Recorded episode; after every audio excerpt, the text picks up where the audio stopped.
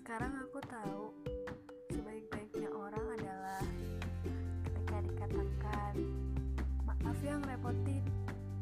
maka dia menjawab